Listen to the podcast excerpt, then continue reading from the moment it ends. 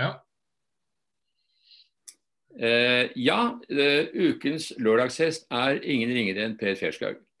Mm. Han uh, har en god del å fortelle våre lesere om hva man skal gjøre for å optimalisere en båt. Hva man kan gjøre med en båt som er ny, levert fra fabrikk, hva man kan gjøre av små og store ting. Og ikke minst om hvor viktig det er å ha et bra undervannsskrog. Så hvor vil du begynne, Per? Du kjøper en båt fra en eh, fabrikk, og så skal du få den båten til å bli så bra som mulig til å kappseile med. Hva begynner du med? Eh, nå hakker du på videoen her, men eh, eh, altså, båt, er, båt er båt, og man må jo tenke litt på hvilket nivå man vil være, med, være på. Men, men skal man seile regatta, så er det jo klart at eh, finish på undervannskroget det betyr like mye som, som, som uh, spenningen på Cunningham-en din eller uttale. Uh, du er nødt til å tenke helhet med en båt, og det vet jo regattaseilerne. Men det er utrolig hvordan uh, gamle jåleseilere som er optimistjålebarn, seiler rundt med fine seilgarderober, og så bryr de seg ikke så mye om bunnen. Men hvis du har mulighet med en ny båt, så ha kontroll på påføring av primer og bunnstoff. Så at det blir gjort, altså Hvilke produkter du velger, det er nå én ting. Men eh, det at, eh, det at man følger bruksanvisninger på boksen, det er, det er en god begynnelse. Og, og, nesten alle de produktene som du får i dag, de kan tynnes. Og ved å tynne så oppnår du akkurat det samme som hvis du skal male stuebordet hjemme, eller et uh, skapdør eller vanlig dør, så vil du gjerne ha den glatt og blank og pen og sånt noe. Da må du tynne malingen, og så må du legge flere tynne strøk, og så må du mellomslipe. Masse arbeid. Men uh, jeg syns arbeidet er verdt det. Det selv med en fabrikkny båt, så må du gjøre det, mener du?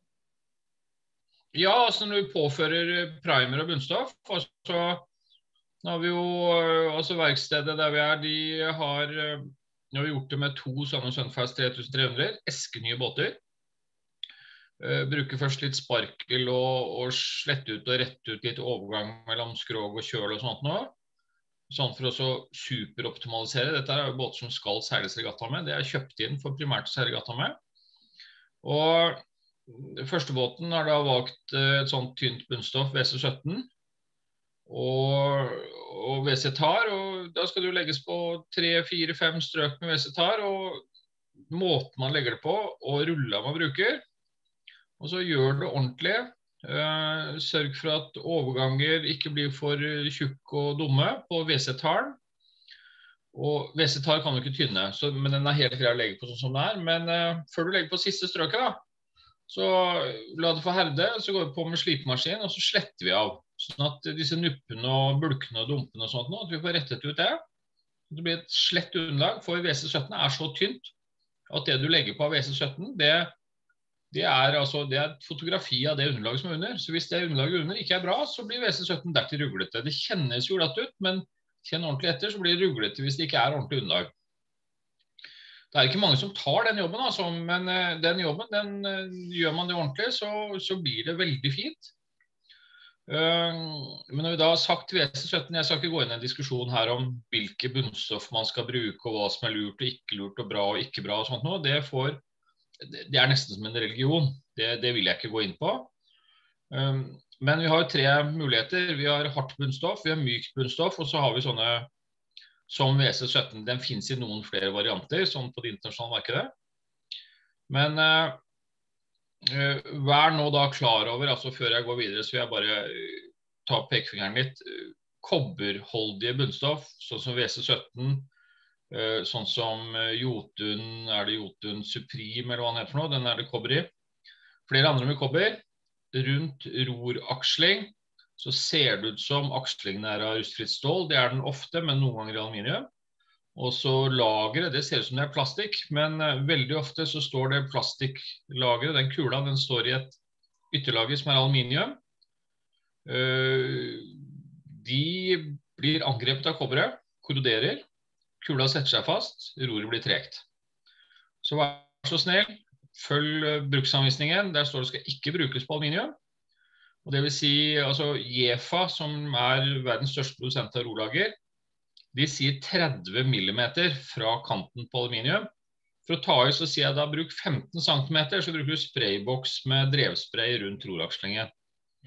Det, det er litt sånn for at dette her er jobber som jeg stadig blir kalt inn som konsulent for å fortelle om. og jeg syns ikke det er noe stas å gjøre det. Jeg syns ikke det er noe stas som kunde må betale masse penger for det. Så det er bare sånn den lille moralprekenen. Les boksen. Ikke bruk på aluminium, heller ikke på seildrevet.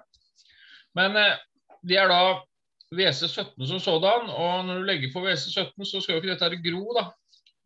WC17 har en fantastisk egenskap blandet med teflon og kobber, som flere andre har. Når du legger på det, så må man være klar over at bunnstoffet er uh, selvoppløsende, self-diluting. Uh, du kan ta rullen som du hadde fra i fjor, malerullen du hadde fra i fjor, som du brukte til WC17. Den kan du dyppe ned i rullekaret, så kan du rulle frem og tilbake fire ganger. Og så er den like myk og fin.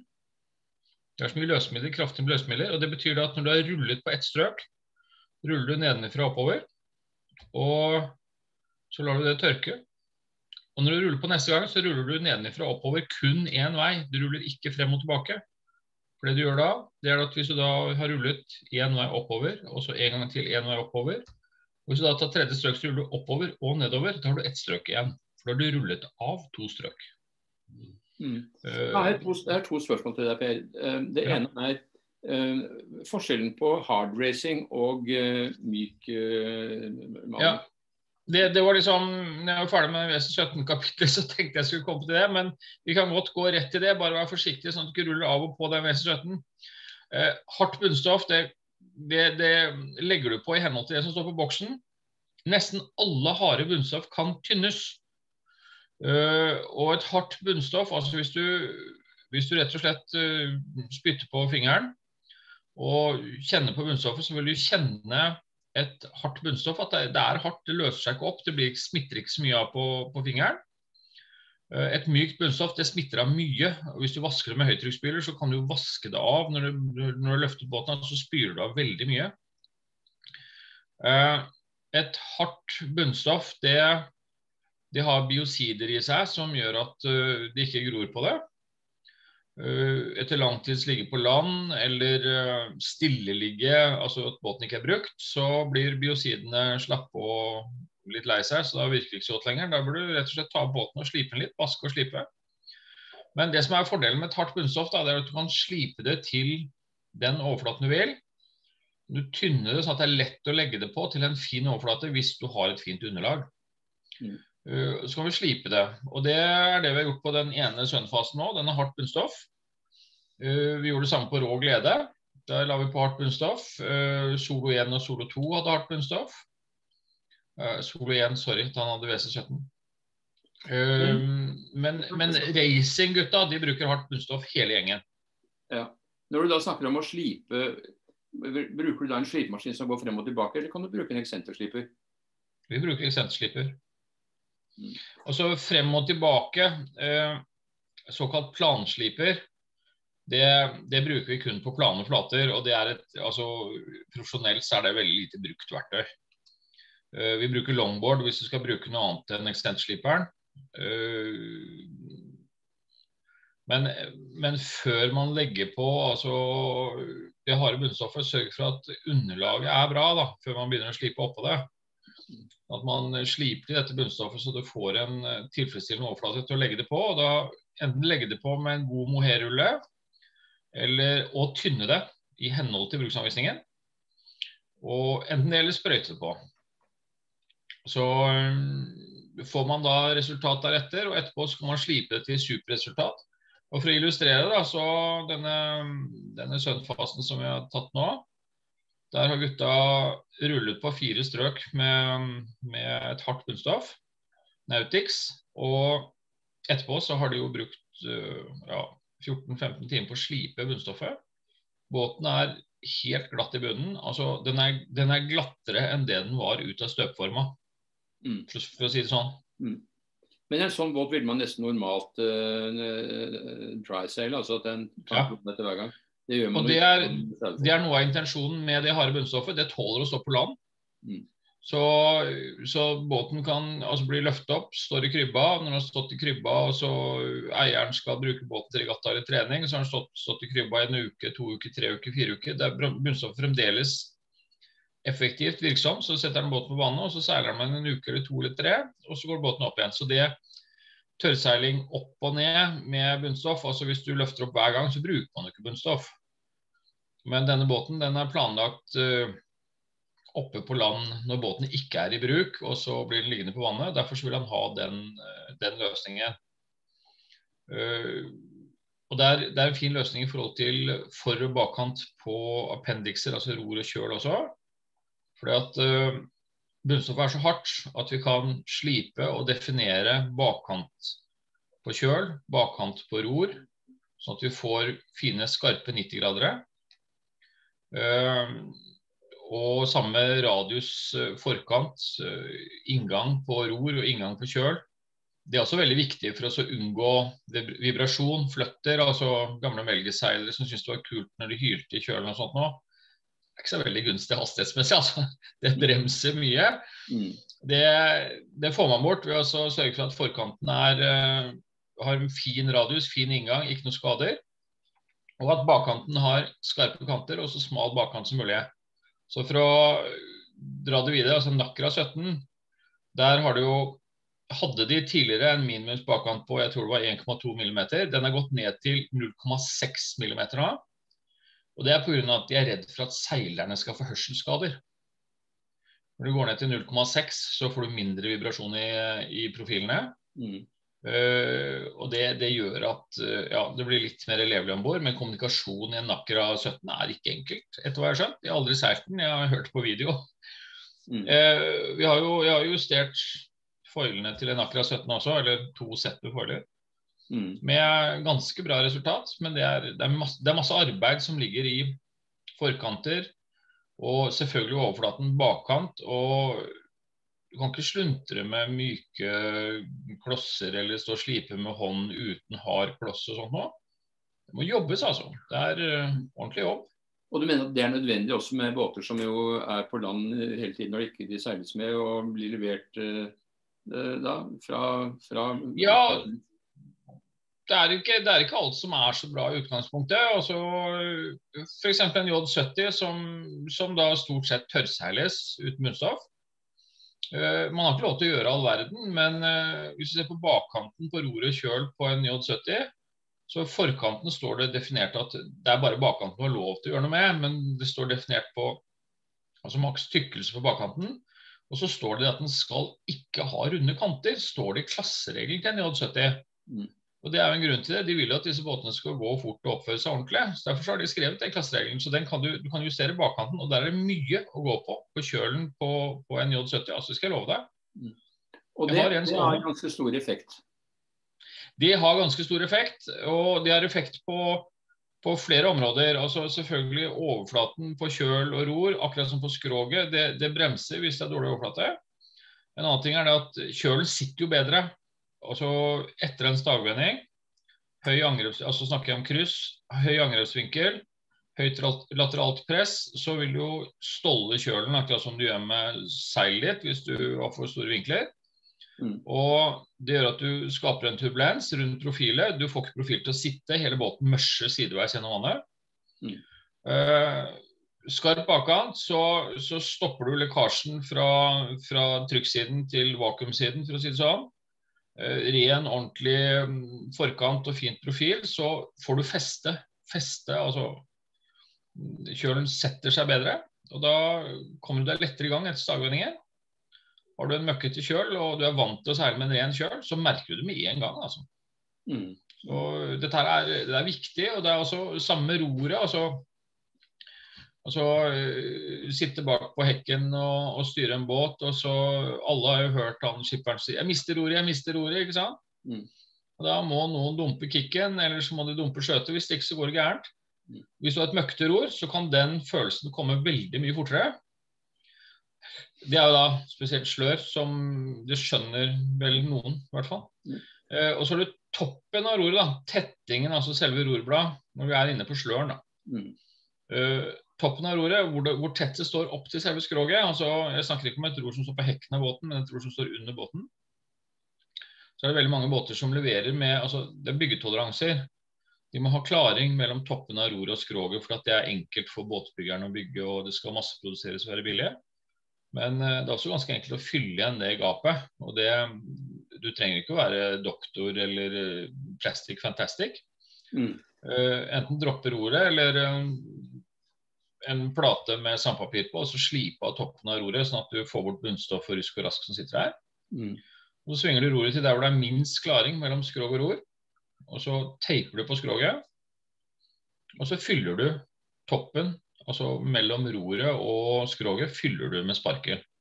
Bare pass på at du har nok teip på skroget. da, altså Jeg sier fire lag med brun pakketeip. Ja. Det bygger omtrent en millimeter. Da har du klaring. Sånn at du kan få på bunnstoff på toppen av roret. og sånt også. Da tetter du toppen av roret. Det kan gi en helt annen båt på en skarp slør. Mm. Så jeg har, jeg har helt klart eksempel fra Bavaria 39 som, som har åpning oppe der på 3,5-4,5 cm. Mm. Å bygge opp toppen av det roret, så, så plutselig så går det an å seile båten med mye trykk på slør uten at han kaster roret. Mm. Mm. Så det er, flere, det er, flere, ting enn bare bunnstoffet. Det er eh, masse, masse, små ting å jobbe med her. Jeg husker det fra til Flying Dutchman at hvis roret hadde slarket i beslaget, ja. så var det veldig lett å få den kavitasjonen og miste styringen. Ja, altså et slarkteror jo, gir jo noe av det samme. da, for at uh, Du ville fått vekslende trykk fra lo- og le-siden, spesielt i en jolle. Og da, Hvis dette står og slarker, så blir jo det, det blir jo sånn vinglevinge alt sammen. Så du må tighte ting. Det er viktig. Mm. Definitivt. Men du har også jobbet med trebåter, og det er litt mer komplisert. For da er utgangspunktet ikke så glatt å finne som det er når det er en fabrikklevert eh, plastbåt. Nei, altså trebåter er et eget kapittel. Jeg, jeg, altså, jeg er ikke noen trebåtbygger. Jeg kan masse om plast. Eh, masse om epoxy, vakuumstøping og alt det der sånn. Eh, trebåt så eh, der må du jo gjøre et valg. Skal du, skal du plastifisere trebåten? altså Jeg snakker ikke om å dra på likskjorte med polyester og glassfiber, som man jo har gjort med noen båter. Jeg snakker om også å få stabilisert treverk så godt som mulig. Mm. Uh, vi har gjort det på én båt, og det, det, var en stor jobb. Uh, det vi valgte å gjøre, da, etter å ha snakket med masse ekspertise, jeg brukte masse tid på dette, her, det var også å få bort alt såkalt organisk eh, lagt på, altså maling, bunnstoff, primer, linolje, eh, nat. Vi tok bort alt under vannlinjen. Mm. Og så vasket vi ut skroget med aceton, sånn at vi fikk ut eh, så mye som mulig av de naturlige fettstoffene. Og kjørte båten i tørka, altså brutalt. altså Vi tørka båten i 38 varmegrader i tre-fire døgn, så den var jo knusktørr. Mm knusktørr Orgon Pine. Og så kjørte vi på med noe som heter Guri 300. Det er en, en epoksy fra SP-system som er supertynt flytende. Som er laget for å impregnere treverk, også for å så Det er kjempefint å impregnere jern med, altså jernkjøler, for å så, som er bare. da, Så smører vi på den der, akkurat samme epoksyen for å mette jernet. Det kan du følge på med kost, da, ikke sant? Ja, det følte vi på med kost. og det det, den herder sakte, så den la vi på treverket i mange omganger. Tilsvarende som du har hørt om med Oatrol tidligere. Så mettet vi opp treverket med epoksy, og fikk treverket til å stå stille, da, den ytre delen. Vi fikk ikke lov til å gjøre det på innersiden av båten også, så vi, fikk ikke lov til å drepe stokken helt. Og etter det så gikk vi på med, med slipemaskin, så slettet vi av. Sparkel, og slettet av sparkel og mer sparkel og til slutt bunnstoff. Og fikk en finish som, eh, som var ganske fri for bulker og en ganske flott overflate på en trebåt. Og det holdt godt et par år, men selvfølgelig, en trebåt rører på seg, da ryker det litt her og der. Men øh, båten er fremdeles bra, altså. Men da måtte den være helt glattslepet også øh, før du begynte med denne prosessen, ikke sant? Du... Nei, vi tok av alt bunnstoffet, det gjorde vi. Vi tok den helt ned til treverket. Ja. Men, men, det var, og vi tok jo alt, alt av nat og alt mulig rart. Og, og, så kjørte vi denne prosessen med, med, med epoksyen og epoksysparker. Så epoksysparkling var der vi slettet av båten ordentlig. Det er en åttemeter jeg snakker om. så det, Mm. det er en ærverdig båt. og Man skal ikke tulle med sånne ting. Det er, eh, det er flotte båter som skal bevares for ettertiden. Men Mm. eh, jeg tror ikke jeg har gjort noe galt i så måte. altså. Men det er nå en båt som har et undervannsskrog omtrent som en plastbåt. Ja. Mm. Men, eh, men selvfølgelig, det er en trebåt med, med enorme krefter i riggen. Mm. Uh, massekompresjon og, og akterstag, heksdag og Storskjærskjøtet. Når du drar til heksdag og dumper det, så smeller du hele båten. Du torker jo en sånn, et sånt båtskrog også, som du gjør med en plastbåt. og så Du vrir hele skroget. Mm. Og Det er måte på hvor lenge du klarer å få plastikken til å holde treverket på plass. ikke sant? Det sprekker jo før siden. Mm. Den ene sprekkens, eller ene området som har sprukket, det, det visste jeg at kom til å komme. Det andre det var litt eh, ikke overraskelse, men det var fordi jeg ikke tenkte på at rundt forstaget som er festet helt ned i bunnstokken i baugen, at de kreftene der Jeg tenkte jo ikke på det, men jeg så jo det etterpå. Det var to år etterpå, kjære vene. Det, man, må jo, Mm. man må jo bare godta at det er en levende båt. Mm. En trebåt. Men, men Per, du er jo gammel regattaseiler. Du var til og med seilte OL i Tornado i 1984, ikke sant? Ja. Så du kan jo den delen av sporten. Og da har du også tanker om hvordan du kan optimalisere en båt over vannlinjen. Eh, Som du også har gjort med disse nye båtene fra, fra eh, disse franske eh, Ja, altså over vannlinjen. Du tenker på seil og rigg? Ja. Ja. Ehm, altså, jeg har ikke gjort så veldig mye med det over rigg, eller det, det med rigg på Altså Sun-fasen har jeg gjort en del. mm, Så det gjorde jeg jo sammen med Simen Løvgren første gangen. mm, Han, han var en keen seiler. Vi Mm. optimaliserte undervannskroget hans. Vi optimaliserte kjøl. Vi optimaliserte rorene.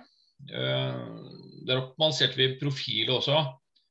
Uh, tilsvarende som vi gjorde på rå glede senere. Eh, tilbakemeldingen som jeg fikk fra Simen, var jo veldig god.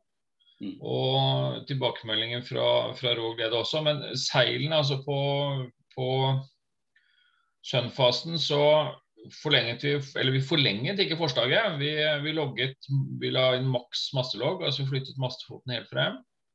Maks mastelogg altså på forslaget, så at han Mm. fikk mye høyere rotrykk. mm, Altså, vanlige seilere vil jo si at båten var i ubalanse, men eh, da får du jo en kjøleeffekt av roret også, da. Så han, han fikk jo en fantastisk høyde og fart på kryss. Mm. Eh, men eh, kryss som sådan, så eh, altså, altså begynne å gå i detalj på seiltrim og sånt noe, det, det er det egentlig bedre at seilmakeren gjør. altså Det er så mange flinke av de, og gudskjelov så er du da enig med meg med at bunnbehandlingen den, Jeg sier at kjøp heller en ordentlig bunnbehandling, eller gjør en munnbehandling enn å kjøpe deg et nytt seil. For at seilmakeren vil også at båten skal gå fort, og han vet at det må munnbehandling til.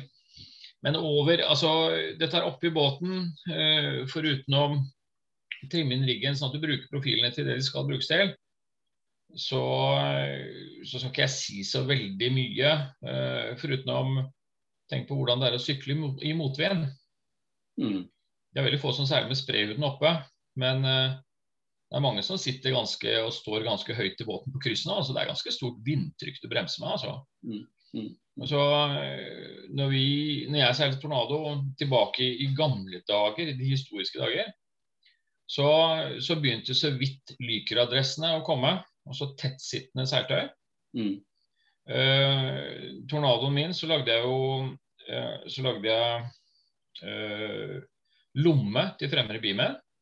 Sånn at istedenfor at uh, trampolinen sto tredd inn i et spor i bakkant av bimen, så var det en lomme som vi tredde bimen inni, altså røret som holder båten sammen. da. mm, Det gjorde det at den fremre delen fikk et vingeprofil. Det ble jo ganske brutalt eh, kopiert av franskmennene til OL i 84, når de så at vi hadde det våren. Eh, sånne ting. Altså uten å gå inn i rigg og seil så voldsomt, så, så tenk på hva dere gjør om bord i båten og hvor dere er hen. Det Ja, jeg vil ikke jeg overlater egentlig den voldsomme seiltrimmen og riggtrimmen til de som er spesialister på det. For jeg, jeg er litt avdanka. Jeg har gått ut litt på dato der. Jeg, jeg, jeg har ikke trent og holdt på fulgt med så mye. Nei, får, du, bare- får, du tid, får du tid til å seile noe særlig selv, da? Ja, det turseiling. Uh, liker det veldig godt. Uh, er litt uh, er litt av sånn av og på med regattabiten. Altså altså Storbåtregatta, det syns jeg ikke er noe stas. Så jeg har veldig lyst til å komme meg tilbake igjen i olje igjen. Så jeg har jo tenkt litt på det også. Så jeg har hatt en sånn omgang med, med av Finnjolla til Anders, vår OL-kandidat fra Drøbak. Mm. Han, to av finnjollene hans har vært på verkstedet. Og vi har slettet bunnen på det, jobbet masse med det. Og tilbakemeldingen fra han har også vært kjempe, kjempebra. Så, men Finnjolle er for tung for meg. Jeg orker ikke å seile Finnjolle. Men eh, jeg Håpet mitt er at jeg skal på stylter i en Akat før, før, det går for lang tid. Mm. For eh, det er altså flerslag ligger hjertet mitt nærme. altså en ting var OL 84, men eh, Exocet med Trimaranen etterpå, det hadde jo gleden av å banke franskmenn i sin egen klasse og i sin egen, eh, i sin egen hage, og det var moro. Det var kjempegøy. Men eh, Det er historie, det også. Men det var småbåtene appellerer, altså. Mm. Jeg tenker sånn så at det er mange regattaseilere som istedenfor å ha svært, et svært cruiseskip å seile på ferie med, og så seiler regatta med det innimellom, da er det å ta det der svære cruiseskipet litt ned og så kjøpe en regattabåt. Spleis med naboen, spleis med venner. Kjøp en J70 eller J80 eller eh, et eller annet og ha det moro med. Snipe, for den saks skyld.